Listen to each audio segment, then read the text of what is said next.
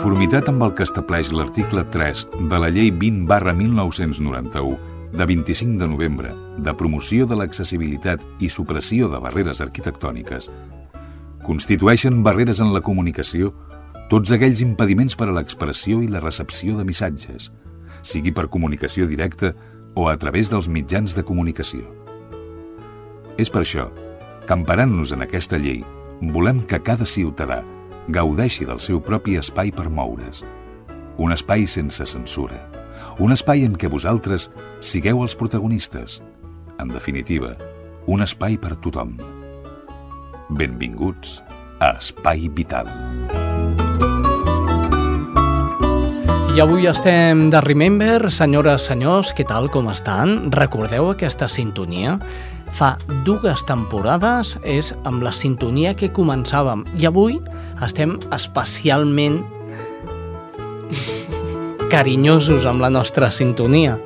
Molt bé, eh, salutacions, benvinguts a Espai Vital, al control tècnic eh, el Toni Miralles, eh, un servidor Xavi Casas, que a més s'acompanya de dos grans persones que estaran amb mi, la Carmen Albalate i la Maria José Corrales.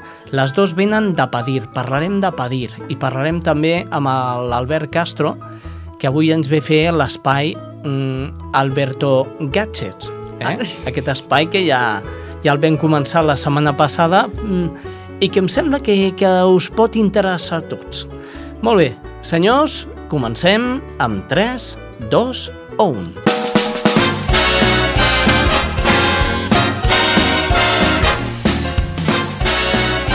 Espai Vital, el primer programa adaptat de les zones.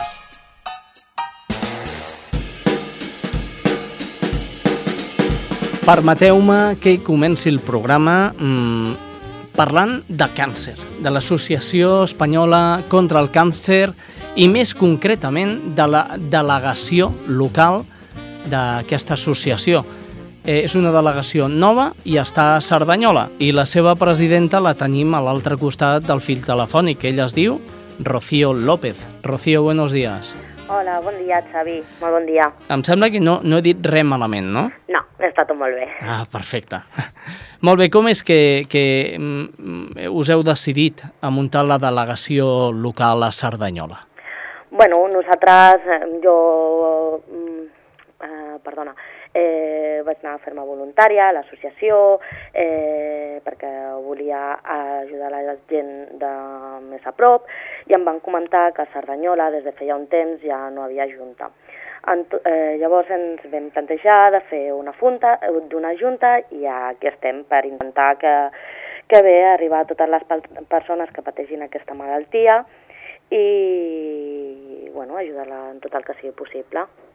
Molt bé, és el, el Dia Mundial de, del Càncer de Mama, coincideix o no? Ho dic perquè com teniu una conferència informativa que heu de fer, coincideix o no coincideix amb aquest mes?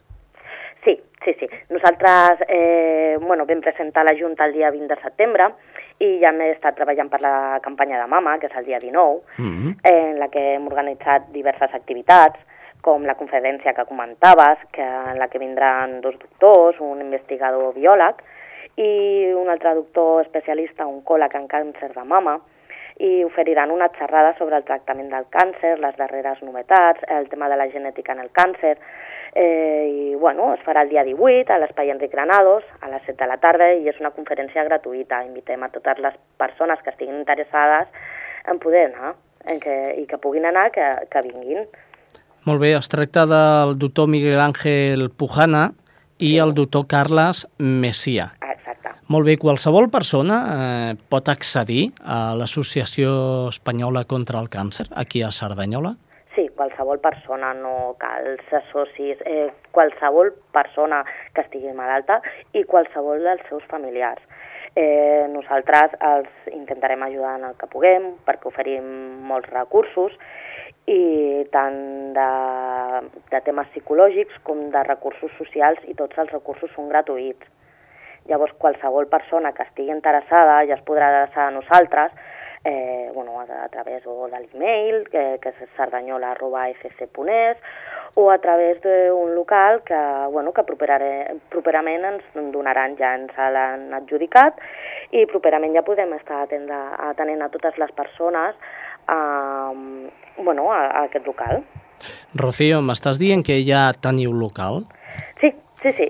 Tu saps la d'associacions que arriben a petits pobles com Cerdanyola, Ripollet, Barberà, Montcada, Santa Perpètua, que munten associacions i no tenen local? Sí, la veritat és que sí, que estem tenint molta sort. L'Ajuntament podem dir que ens estan ajudant moltíssim. Eh, fa molts poc, molt pocs dies que estem muntats i ja hem anat a, a veure un espai que bueno, eh, compartirem amb una altra associació, però que ja és un bon lloc per poder atendre les persones que estiguin interessades, que, que, que puguin venir, que estem visibles i que sigui fàcil que ells mm, puguin venir. Estem, la veritat és que estem molt contents. Molt bé, escolta'm, la campanya de la, del càncer a sí. Cerdanyola, a, a part de, de les dues conferències, sí. estic segur que teniu o esteu endegant alguna campanya més per tirar endavant.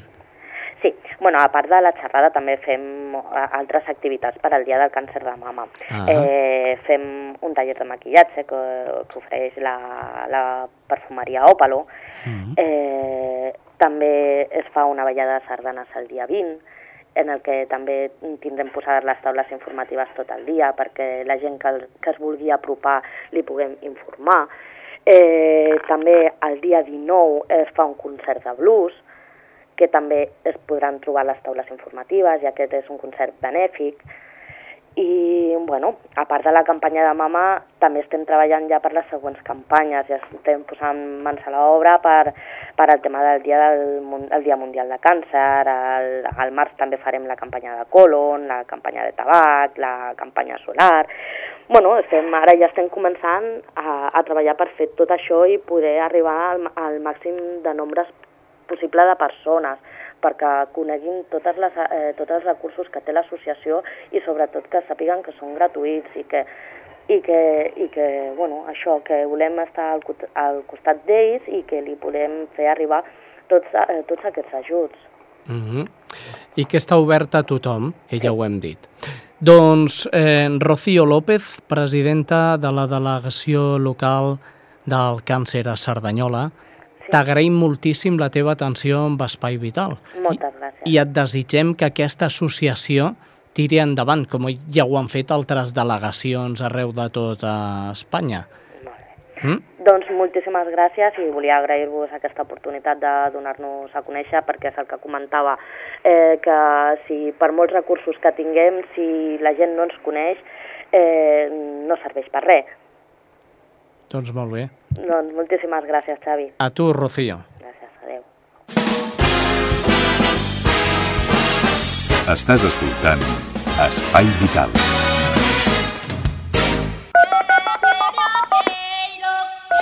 Saps llegir? Ells no.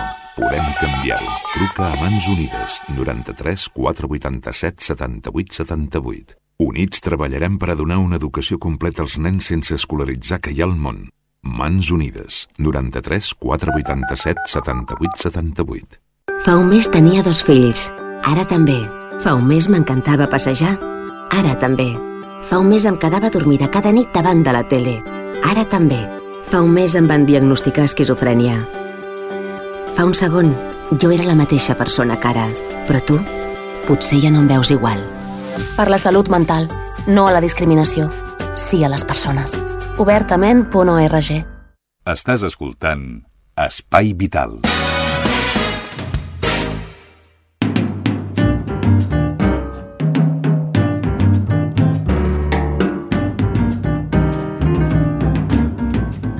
Doncs molt bé, tornem aquí des de l'estudi on es grava l'Espai Vital, que precisament és l'únic que tenim adaptat a totes les poblacions que conformen l'Espai Vital que és Ripollet Ràdio. Doncs molt bé, deia abans, saludava a la Carmen Albalate, hola, hola de nuevo. Hola, Xavi. Y a la María José Corrales, hola de nuevo. Hola. Muy bien, eh, tanto la Carmen como la María José vienen en nombre de una asociación que no tiene local, como, tenemos como la local. local del cáncer de Sardañola. Qué suerte que tienen. Pero que estáis luchando para Sí, eso sí, y sí. que algún día se conseguirá, seguramente. Bueno, tenemos la salita, que ya, ya estábamos agradecidas también. Sí, ¿no? Y el container, porque... Eh, hombre, el container, eso ya, mm, el Castro, a ver lo que nos dice que estamos esperando. Albert Castro, bon dia. Hola, molt bon dia. Què, què, fe- què hem de fer amb el container? Bueno, amb el container el que hem de fer és eh, doncs, eh, formalitzar-ho, però ja està, està fet, està fet. Està tot fet, eh? Està fet, està fet, l'única cosa que hem de fer és això, formalitzar-ho a través de, segurament a través d'un conveni, perquè tothom tingui la, la llibertat d'utilitzar-ho de la manera més adient, no? I que no, sobretot, eh, perquè les coses ben fetes sempre es eh, diuen que no tenen fronteres, no? I en aquest cas igual. Eh, però bé, eh, està fet, és un tema que, que ja podeu donar per, per fet el, el tema del contenidor. Moltes Vale, gràcies. pues muchas gracias. Però a part dels temes del contenidor, etc etc etc, a pedir-ve qui vull a parlar-nos d'un acte que serveix per recaptar fons per eh, l'associació. Exactamente, el primer certamen de monólogos que se hace aquí en Ripollet. Sí, senyora. Y entonces todo lo que se recaude va a ser para nuestra asociación, para que estos niños puedan tener pues muchas cositas, claro. Bueno, ¿qué cositas necesitáis? ¿Qué Vamos a ver. cositas? Pues para hacer todos los trabajos que hacemos, manualidades, si queremos hacer alguna salida con ellos, todo eso hace falta dinero. Entonces no tenemos, a ver, tenemos lo que los socios nos van dando y nos van ayudando y nosotros que vamos poniendo stands y vamos vendiendo cosas y por ahí vamos sacando dinero, pero vamos, no hay mucho más. No, ahora empezamos la semana pasada a hacer un taller de musicoterapia. Mm, ha sido fantástico y claro, para esto se necesita dinero porque también hacer musicoterapia es más cara que hacer cualquier niño normal y este taller cuesta bastante y necesitamos fondo para poder pagarlo. Bueno, pues ya está. A la que hagamos eh, el acto benéfico ya plegáis, ¿no? no, No, ojalá. no, porque tenemos que hacer luego otro. Mucho. Queda mucho por trabajar. No, pero sí que me gustaría aprovechar para dar las gracias a Patricia, que es la directora del Colegio de Escuela de Música de aquí de Repollet, porque el proyecto que nos ha hecho es muy bonito. A ver, la verdad que estamos muy contentos con ella. El otro día se portó genial y los niños salieron súper contentos de allí. Entonces le quiero dar las gracias en nombre de todos. De Apadir, sobre todo. Exactamente, por lo que ha hecho por nosotros.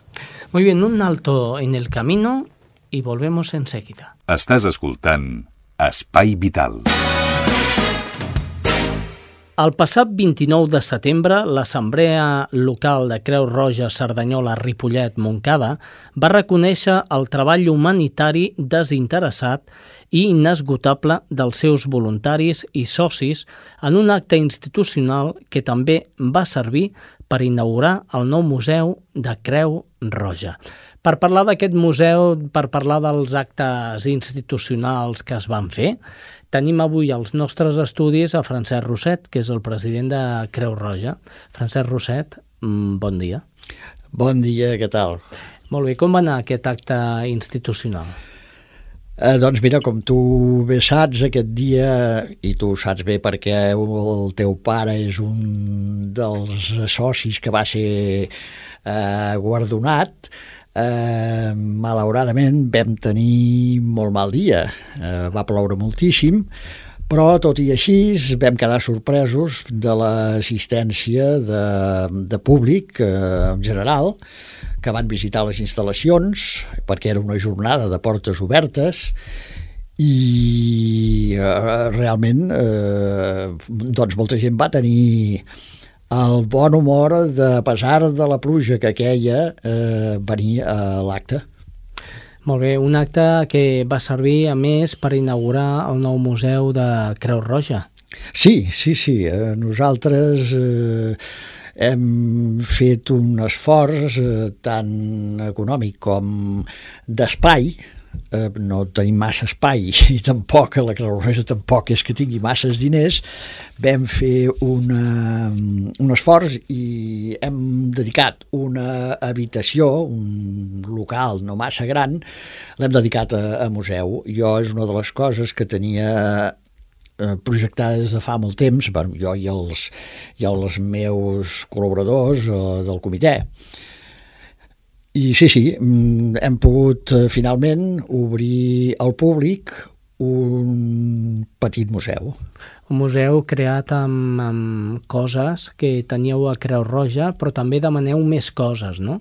Sí, eh, en principi disposàvem de, de diferents objectes eh, que ja teníem nosaltres eh, en la Creu Roja, però eh, també ens agradaria, si fos possible, incrementar el fons històric de la Creu Roja, de Cerdanyola, Ripollet, Montcada, de manera que mm, faig una crida perquè aquelles persones que disposin o guardin algun material que vulguin cedir bonament a la Creu Roja, doncs eh, els hi estarem molt agraïts. Eh, evidentment, si es volen quedar aquest material, doncs cap problema, però si algú digués, mira, doncs jo el cedeixo a la Creu Roja pel seu fons històric, doncs encantats. Eh, una manera va posar-se en contacte amb Creu Roja seria el número de Creu Roja, no? Sí, sí, sí. El, el número de Creu Roja ho dic perquè si algú vol venir eh, tant a veure al museu com a, a, a cedir, a donar algun objecte, si em vol, jo mateix estaria encantat de rebre'ls, de manera que si volen trucar abans per concertar la visita o per, per concertar l'entrevista, si el número de Creu Roja és el 93 691 61 61 un número que va ser també el número d'urgències de Creu Roja al seu temps. En el seu temps, sí. Ah, I encara temps. ara truca molta gent, déu nhi la gent que truca perquè no sap que ara nosaltres ja no fem aquest paper eh, s'ha de pensar que la Creu Roja eh, cobreix algunes necessitats que a vegades l'administració no pot cobrir, però ara això està perfectament cobert pel, pel 061 i nosaltres ja no fem aquests, aquests serveis. De totes maneres, al tanto, eh, quan hi ha algú que es presenta eh, pues, doncs, que ha caigut, que s'ha fet mal, una primera cura, els nostres tècnics, que molts d'ells, eh, tècnics i voluntaris que hi puguin haver a l'assemblea en aquell moment, els hi presten els més auxilis. Això, evidentment, no, no ho deneguem però llavors els enviem sempre eh, a l'ambulatori. Molt bé, Francesc, eh, hem, parlem del, de l'exposició del museu creat a Creu Roja. Eh, voldria saber més o menys des de quina època a quina època eh, hi, ha, hi ha coses. Eh, doncs mira, una de les coses més antigues, potser la més antiga, és justament una reproducció que hem fet eh, molt, molt fidel de l'original, inclús amb el color del paper, de quan es va fundar, de l'acte fundacional de la Creu Roja a Cerdanyola-Ripollet. Dic a Cerdanyola-Ripollet només perquè encara que ara som Assemblea Comarcal de Cerdanyola-Ripollet-Moncada, eh, la Creu Roja de Montcada eh, va, es va afegir bastant més tard eh, a l'Assemblea. Eh, al principi va ser Creu Roja de Cerdanyola Ripollet i és del, si no recordo malament, eh, porta data, aquest acte fundacional, porta data de 11 de setembre de l'any 1921 des de llavors, ininterrompudament, més ben dit, ininterrompudament, eh, fent l'excepció del període de la Guerra Civil, mm -hmm. la Creu Roja, Cerdanyola, Ripollet, Moncada ha estat funcionant, mm, salvant aquesta, aquest període de 3 anys de Guerra Civil. Molt bé, el paper de l'acte fundacional, el més, el més lloable possible, més, el més real possible, però també hi ha altres coses a, en aquest museu sí, senyor, que caldria destacar, no? Evidentment, sí, sí, sí, fas molt bé d'insistir en el tema. Eh, ja, per exemple, doncs tenim la joia de la corona, és una camilla, mm, doncs dels anys, això, 20-30, una camilla molt antiga que eh, in, inclús ens l'han demanat per exposicions, per exemple la Creu, la Creu Roja de, de Saragossa eh, es va enterar que disposàvem d'aquesta d'aquesta camilla i ens la va demanar per una exposició que van fer ells a Saragossa.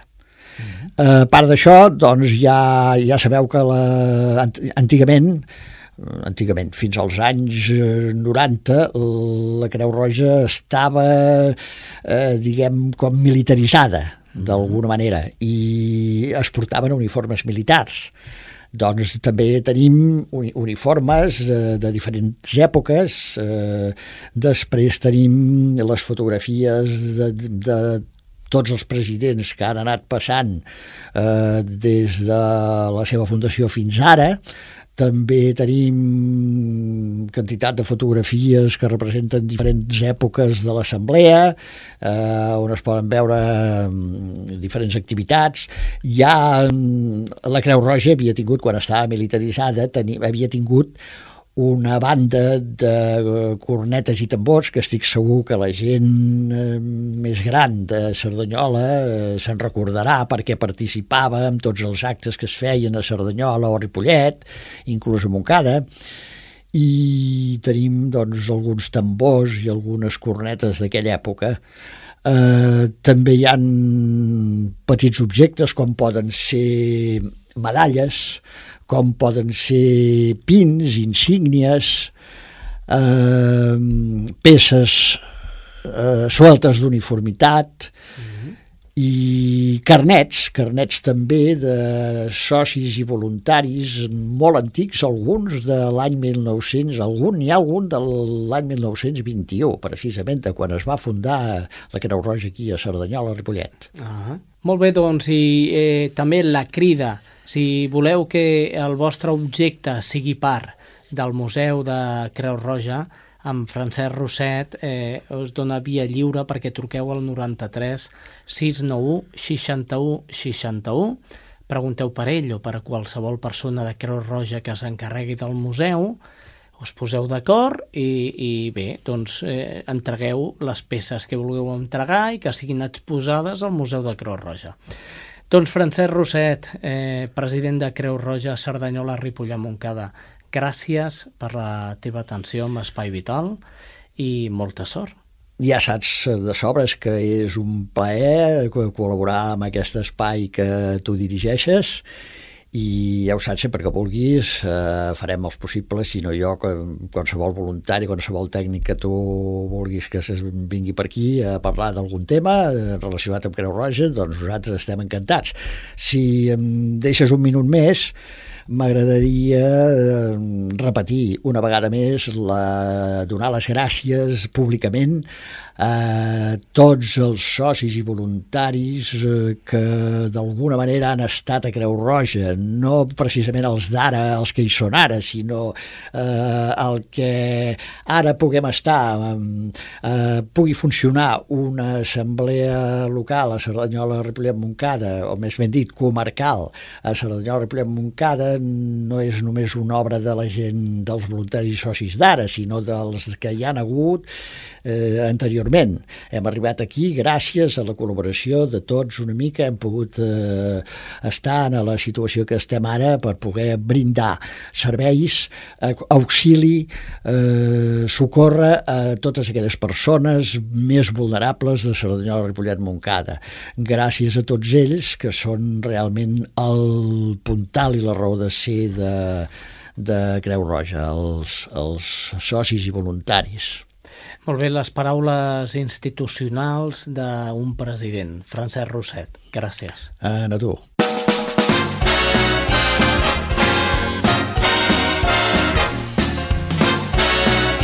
Espai Vital, el primer programa adaptat de les zones.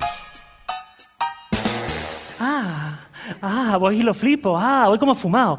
Es la cara alegre oficial, ¿no? Sería la cara que tiene Rajoy en las fotos desde que es presidente del gobierno, ¿no? Otra, el hombre lobo. Ese es lo que tienes cuento. De día soy humano, de noche soy una bestia. pues como los adolescentes en fin de semana, pero de verdad. Es que eso no es un monólogo, es una tragedia. Pero, pe- ¿me perdonáis un momento? Tramoya, que como este monólogo no sé lo que va a durar, pero me temo que poco, tú cuando, cada vez que pasen cinco minutillos, una forma discreta, me dices, eh, cinco, tal, ¿vale? ¿Sí? Mm, Vale. Más o menos, ¿eh? Mm, ¿Con vos o...? Discretamente, que no se enteren, hombre. Vale.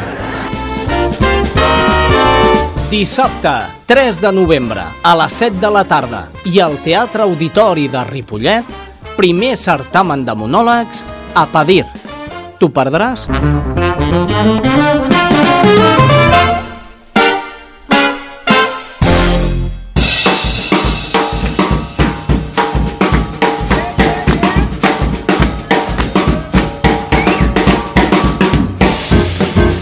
Desde luego que yo no me lo pierdo. ¿m? Seis monologuistas, eh, dos músicos eh, de alto standing y un monologuista que tenemos aquí al lado. Es más standing todavía. que aunque parezca, aunque parezca serio y poca persona, es, es un auténtico monologuista, que es Alberto Castro, que surtirá también. ¿De, de quién estáis hablando? No sé, no sé, no sé. Muy bien, entradas a la venta ya en, en el aquí, hombre, el Centro En el Cultural. Centro Cultural, sí, todos los jueves de 6 a 7 Sí. y los sábados de las 10 hasta la 1 estamos nosotros ahí para vender las entradas. Tenemos que llenar el Teatro Auditorio de Ripollet. Tienen- Sí. Pero a tope. a Daros tope. prisa. Es que, es que las cosas están... Es que no sé si habrá entradas ese mismo día. Yo creo que ya las vamos a vender antes, porque hay mucha gente ya preguntándonos por las entradas. Sí, de hecho hay que ser listo e ir antes que toda esa gente y hacerse con una de las entradas. Bueno, fíjate, yo, yo me he dado tanta prisa que voy a actuar solo por ir. Bueno, aprofitant que eh, l'Albert ens acompanya avui i que ens acompanyarà al certamen de monòlegs, com sempre és un gran company, a més, de sobre de l'escenari. Porque allí nos encontramos y siempre se mete conmigo, ¿eh, Alberto. Pero bueno, esta Por vez, algo será. esta vez, a esta ver lo vez que hay entre los dos. no le doy yo oportunidad mm, para que se meta conmigo. Albert, Digues. a- Alberto Gadgets. Ah, és veritat, ara toca la secció gadget. Sí, home. Bé, bueno, la setmana passada vam començar aquesta secció, és una secció que a mi personalment em fa molta gràcia, mm -hmm. perquè com vaig dir la setmana passada sóc un malalt dels, dels gadgets, no? I recordant una mica, el gadget seria aquell dispositiu, software, aplicació, que ens ajuda i que ens fa alguna cosa en concret, no? Hmm. I avui mm, eh, parlaré d'un gadget que és, eh, més que un gadget, és una aplicació que, que porten els telèfons mòbils, els anomenats smartphones, que són telèfons mòbils que connecten a internet. Vull dir, el que passa que és més curt i més queda més xulo dir smartphone que dir un telèfon que connecta a internet. No? Bé, és una aplicació que de moment la porta el- a l'iPhone, que es diu el Siri, i ara explicaré en què consisteix. És una vela. El Siri és una vela. El Siri, sí. sí. I, i, i d'altres coses, eh? I d'altres coses, també. El Siri és un sistema eh, que s'ha implantat ara en el, en el sistema operatiu de l'iPhone, que consisteix, i sobretot a les persones invidents és un gran recurs, que consisteix en parlar en el telèfon. Mm -hmm. És a dir, abans, doncs, quan volíem eh, doncs, trucar algú, havíem de buscar el contacte, el nom... Bueno, abans i ara, eh? Mm, bueno, ara ja no, ara ja no cal. Ah. O, per exemple, eh, havíem de anotar doncs, de, que el dia 3 hem d'anar al Teatre Auditori per als monòlegs, no? i havíem d'agafar calendari, marcar una cita... Doncs bé, tot això amb el Siri eh, desaparegut. Ja no cal fer això. Tu agafes el telèfon i dius escolta, recorda'm que el dia 3 de novembre he d'estar al Teatre Auditori eh, el, el tema del fer monòlegs. Vale? I, no, perdona, certamen de monòlegs de pedir. I aleshores el telèfon et diu, eh, bueno, en aquest cas hauria de ser en castellà perquè encara no està el sistema en català, y diría, su cita ha sido preparada. Eh, le he preparado una cita para el día 3 eh, de noviembre en el Teatro Auditori para el tema de los monólogos de Padir. ¿Es correcto? I tu li dius, confirmar. I ja t'ho ha fet. O, per exemple, dius, eh, escolta, com ha quedat el, el Barça? Quin ha sigut l'últim resultat del Barça? Espera un moment i diu, el último resultado del Barça ha sido un empate a, a dos con el Real Madrid. O, per exemple, li dius, eh, quina temperatura farà passat demà a Torroella de Montgrí? I t'ho diu. És a dir, és un sistema de comunicació amb el dispositiu a nivell oral. I això té moltes avantatges. no només per la persona que, que és més còmoda, evidentment, parlar amb el telèfon que no pas teclejar, sobretot en situacions en les que no pots teclejar, no? perquè vas conduint o, o per al que sigui, sinó sobretot per aquelles persones que o bé tenen dificultat, eh, en el cas dels invidents o, o de persones amb poca visió, de veure eh, el, la pantalla, o bé per aquelles persones que tenen una motricitat complexa, vale? ja sigui perquè tenen eh, diferents tipus de hàndicaps, i els hi costa molt teclejar en els teclats aquests virtuals dels telèfons. Doncs és una opció que cada vegada té més, més acollida i en consta que altres sistemes operatius com el com l'Android, que és el que s'utilitza en gairebé ara eh, en gairebé tots els telèfons, també ho està incorporant i penso que això és un començament del que els tècnics diuen que serà el futur, i és que nosaltres parlarem amb el mòbil. Ja no el tocarem, ja no caldrà eh, posar-t'ho a l'orella, sinó que ho parlarem directament. I el mòbil sabrà quan em dirigeixo amb ell i quan eh, li estic donant una ordre. De fet, amb el, amb el Siri aquest, el bo que té és que eh, realment parla amb tu. Et diu, pues mira, Alberto, el Madrid que don l'altre dia... sí, sí, sí. No vas a hablar con tu mujer? Com si bueno, com a mínim, eh, és molt curiós perquè, i ja acabo, eh, eh, els, a vegades amb aquest sistema els hi fas preguntes i et contesta, no? Uh -huh. I, per exemple, li dius, escolta, ¿cuál es el sentido de la vida? Y ella responde, el sentido de la vida es una película de Monty Python. No, no, no, no. El por qué estamos aquí en este planeta. Y entonces esta voz te contesta, no estoy preparada para contestarte a eso. Pero nadie, no solo él, nadie. Y te dice, lo sé, pero no te lo puedo decir. Molt bé, i, i a tot això, eh, jo puc portar, per exemple, el meu mòbil o no? Bueno, el teu mòbil, que l'estic veient ara, mm, a veure, el teu mòbil. No, no. això, a, a, el que anomenem mòbil com a aparell per trucar, a veure... Eh, buscar l'agenda... Evidentment, aquesta, aquesta, aquest sistema, aquest dispositiu, vale? el que necessita és connexió a internet, per una raó molt senzilla, perquè moltes de les coses que li demanes, ell les ha de consultar. I aquí la consulta? A la xarxa, vale? Uh -huh. eh, home, evidentment, si jo imagino que amb un telèfon estàndard molts tenen el que es diu el reconeixement de veu i tenen uns comandaments que pots fer eh, parlant que te'ls reconec. Però el que passa que el sistema és molt precari. Mm. És un sistema que treballa amb paraules clau i has de parlar una mica rotllo índio, no? Llamar eh, Xavi, però Xavi eh, ell ho interpreta com a CH. Per tant, has de dir eh, Xavi, entens? Vull dir, clar, el bo que tenen aquests sistemes moderns és que eh, són capaços d'estreure d'una conversa més o menys raonada vale, el, que, el que podrien ser. Si voleu podem fer una petita prova en directe. Mm, Fem-la. Vale? Agafo el, el, el smartphone. El telèfon, no eh, diré la marca. No, però és Samsung, no? No, no és Samsung. Sabi, és un mòbil. No és Samsung, vale? Mm. Miraré a veure si es pot escoltar, li poso el màxim de volum. Sembla, sembla vale? Sí. I li demanaré doncs, qualsevol cosa. Per exemple, ja veureu. ¿Cuál es el último resultado del Fútbol Club Barcelona? Tic. Empate 2 a 2. Es, es buenísimo, sí, sí, sí, es buenísimo esto. Acertado. Hoy lloverá en Ripollet. Está lloviendo. Sí, parece que hoy tendremos un poco de lluvia. Oh, qué bo, qué bo. A las 11 de la noche. Per exemple, finalitzem l'espai Gadgeto mm. Alberto perquè tenim encara altres coses i entre elles fer la roda informativa que us convido a que escolteu. Eh, aquesta roda informativa per conèixer les últimes novetats en quant a sanitat. Som-hi.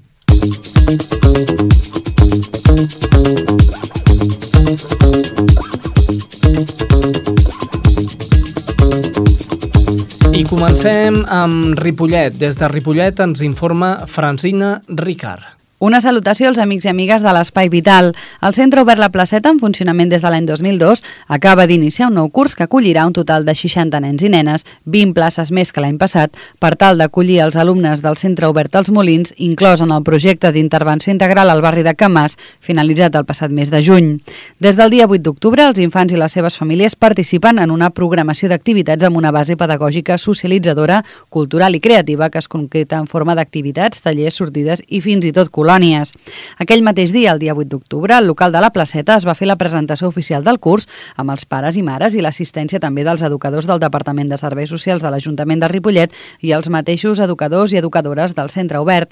Els centres oberts són espais socioeducatius que realitzen una tasca preventiva i educativa en l'infant. Aquesta tasca serveix per donar suport, estimular i potenciar l'estructuració i el desenvolupament de la seva personalitat, la socialització, l'adquisició d'aprenentatges bàsics i d'esbarjo i compensar les deficiències socioeducatives que puguin patir. Aquest espai, que depèn del Departament de Serveis Socials de l'Ajuntament de Ripollet, atén diàriament un total de 60 infants d'edats compreses entre els 3 i els 12 anys en horari de 5 de la tarda a 7 del vespre i seguint el mateix calendari que les escoles. Els educadors socials dels serveis socials són els encarregats de gestionar aquest espai. Així, els responsabilitzen de la derivació i inscripció dels infants i s'ocupen de coordinar les escoles amb els familiars i els monitors i monitores que atendran els nens per tal de garantir una atenció i un treball integrals. La gestió implica assegurar el bon funcionament del centre obert i, més enllà de vetllar del temps d'infraestructura o material, els educadors acompanyen els monitors durant tot el procés anual gràcies a les reunions de coordinació quinzenals. D'altra banda, aquests educadors també es fan càrrec del seguiment individualitzat de cada família per garantir la millor progrés de cada infant. I això és tot des de Ripollet. Bona tarda. Des de Ripollet Ràdio, eh, que és la Francina Ricard, ens anem cap a Cerdanyola. Allà no és la Francina, és el Xavi Poza qui ens avança la informació. Bon dia. Cerdanyola i bona part de la comarca van patir la setmana passada un episodi de contaminació atmosfèrica que va fer que la Generalitat activés el protocol d'actuació en aquests casos. La Direcció General de Qualitat Ambiental emetia un avís dimarts i dimecres en relació a la intrusió de pols sahariana amb concentracions de pols en superfície d'entre 20 i 40 micrograms per metre cúbic.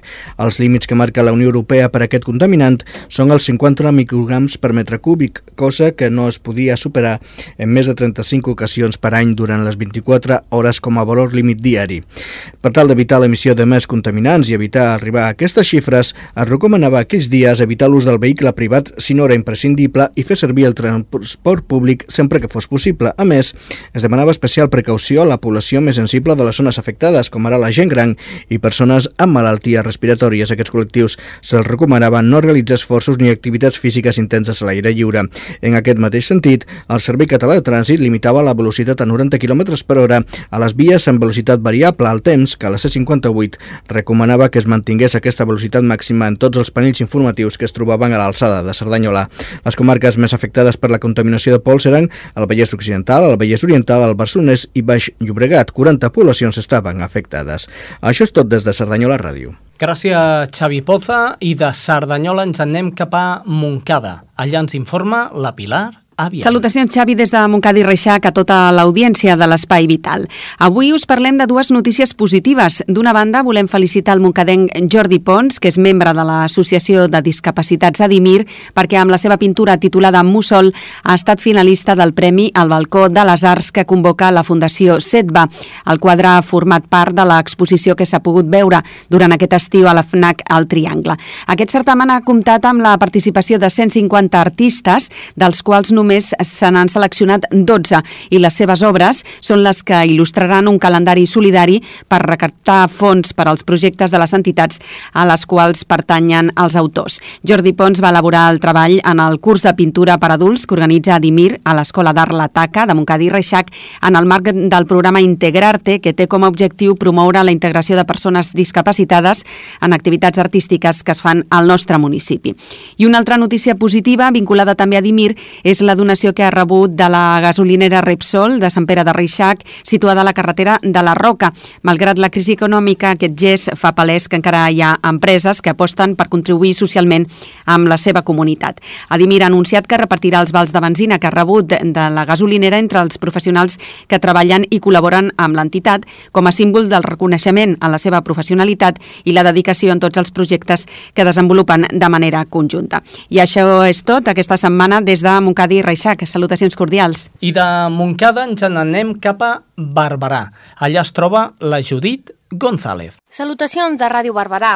L'alcaldessa de Barberà del Vallès, en el Frago, i el tinent d'alcaldia d'Esports, Ignacio Navarro, van rebre a l'esportista del Club Ciclista Vallès, Mayalen Noriega, que va ser medalla de plata en els passats Jocs Paralímpics de Londres en la competició de carrera de fons amb tàndem amb la seva companya Pepi Benítez. Mayalen Noriega, pilot de Pepi en diferents disciplines, va començar amb la bici de muntanya des de ben petita, amb tan sols 19 anys, va passar la natació i a partir d'aquí va donar el salt al triatló. Una lesió va ser el motiu perquè Noriega donés el pas definitiu cap al ciclisme. Mayale Noriega i Pepi Benítez, a més de guanyar medalla de plata als anteriors Jocs, van obtenir el sisè lloc i el diploma en cursa de persecució amb tàndem i la mateixa posició a les contrarrellotges. Juntes competeixen des de fa dos anys i han obtingut molts bons resultats tant en pista com en carretera en altres competicions nacionals i internacionals. Cal destacar que Mayale Noriega i Pepi Benítez, a més de la medalla de plata, han assolit altres èxits esportius tan importants com el Campionat d'Espanya en persecució, velocitat i quilòmetre, de fons de carretera i contrarrellotge. A més, han estat campiones de Catalunya en contrarrellotge i es van endur al primer lloc al 16è Paracycling Vira en ruta i en contrarrellotge disputada a la ciutat de Bilbao. Fins la setmana vinent. Gràcies, Judit González, i ràpidament ens n'anem cap a Santa Perpètua. Allà es troba la Marta Hiraldo. Bon dia. L'aula d'extensió universitària ha arrencat el nou curs amb la xerrada Viure de bon humor. El programa inclou també d'altres ponències per millorar la nostra autoestima, però inclou igualment xerrades sobre l'art i la cultura. El dimarts 23 d'octubre, en Carles Porta, periodista i reporter a TV3, oferirà Tor, 13 cases i 3 morts, mentre que la biòloga i dietista Montserrat Barceló ens ajudarà a conèixer el nostre cos per millorar la nostra imatge. Serà el 6 de novembre. Les ponències tenen lloc al Centre Cívic al Vapor a partir de dos quarts de vuit de la tarda. Els interessats a participar en aquestes activitats a l'aula d'extensió universitària poden adreçar-se al centre cívic o enviar un mail a aeu-santaperpètua.hotmail.com Això és tot des de Santa Perpètua. Moltes gràcies, Marta Hiraldo, des de Santa Perpètua. Eh, anem ràpidament cap a Sabadell. Allà es troba la Karen Madrid. Salutacions des de Sabadell. Avui us expliquem que, malgrat la retallada d'un 10% del pressupost, el Servei de Salut Mental del Taulí ha aconseguit eliminar les llistes d'espera. Sense prescindir de personal ni d'instal·lacions, els professionals sanitaris s'han reorganitzat per mantenir la qualitat d'aquest departament. Entre les causes que han permès aquests bons resultats hi ha la col·laboració amb l'atenció primària, que ha permès reduir el nombre de primeres visites que arriben a l'Hospital de Sabadell. I és que els CAPs s'han diagnosticat i tractat els casos menys menys complexes, com són les depressions. Val a dir que aquesta patologia continua sent la més comú. Segons dades del Taulí de l'any 2008, la depressió costa 19 milions d'euros cada any a Sabadell, entre baixes laborals, atenció mèdica i fàrmacs. És tot des de Sabadell. Estàs escoltant Espai Vital.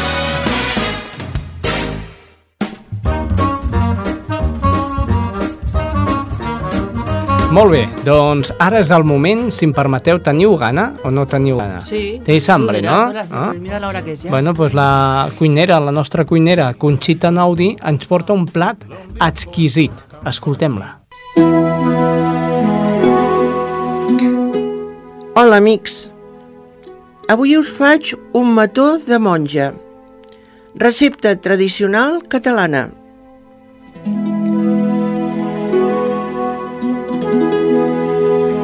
Els ingredients, mireu, he he comptat per 8 persones. Necessitareu un litre de llet, 10 rovells d'ou, 250 grams de sucre, 100 grams d'almidó de cuina i una branca de canyella.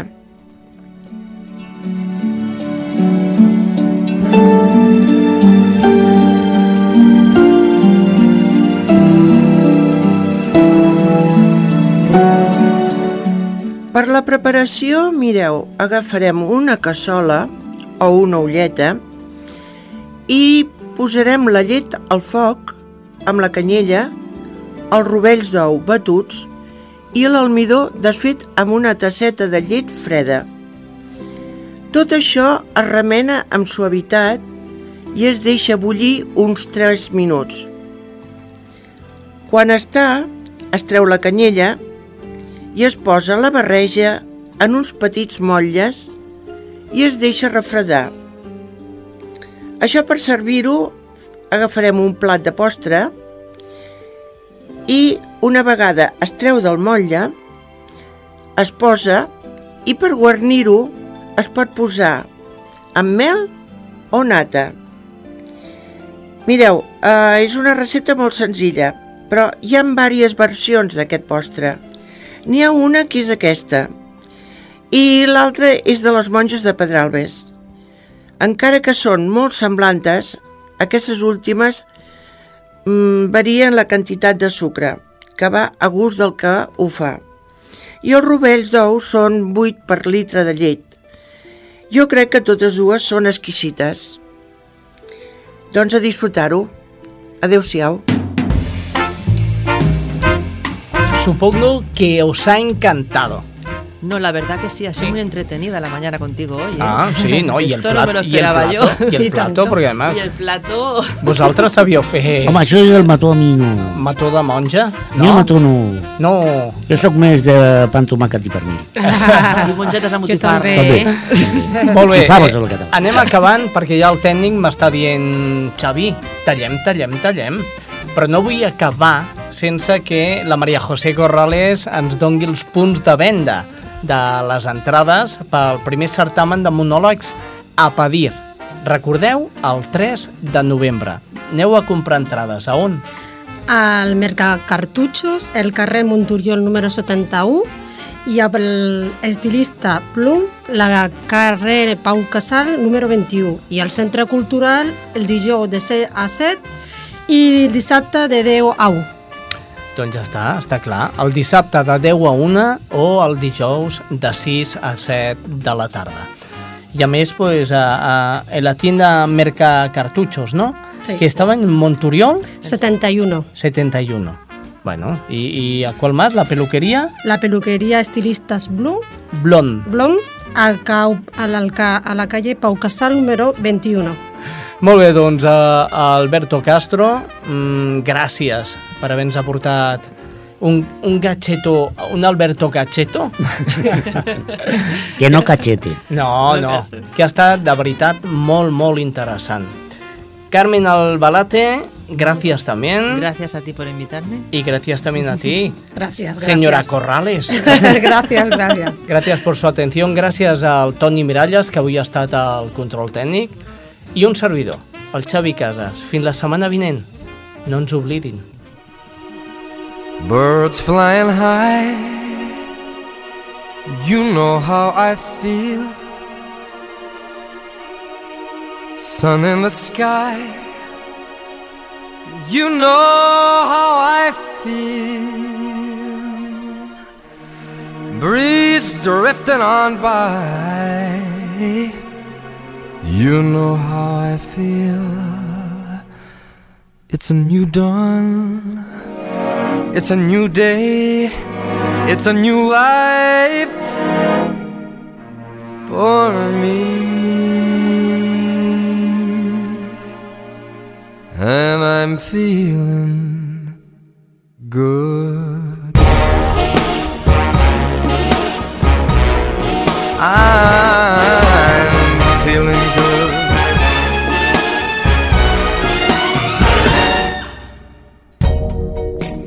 In the sea, you know how I feel. River running free, you know how I feel. Blossom on a tree, you know how I feel. It's a new dawn, it's a new day, it's a new life for me. And I'm feeling good.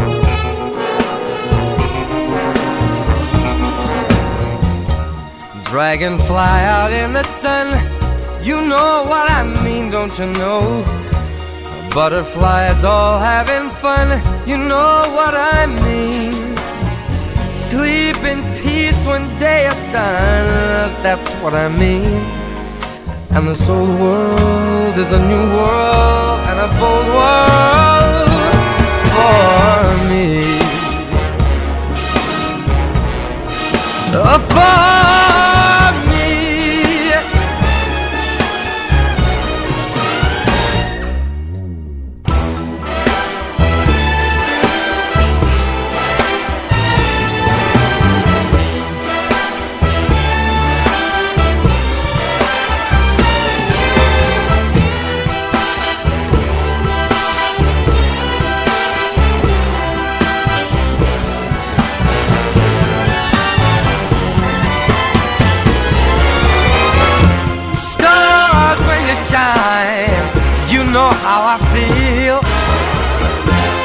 scent of the pine.